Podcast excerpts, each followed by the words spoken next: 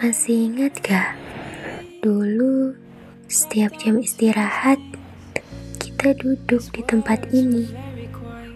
Menikmati sejuknya hembusan angin. Dulu, tempat ini tidak asing bagi kita. Karena setiap harinya kita menghabiskan waktu bersama di sini. Tempat kita saling bertukar pikiran dan bercanda tawa bersama. Tetapi itu dulu.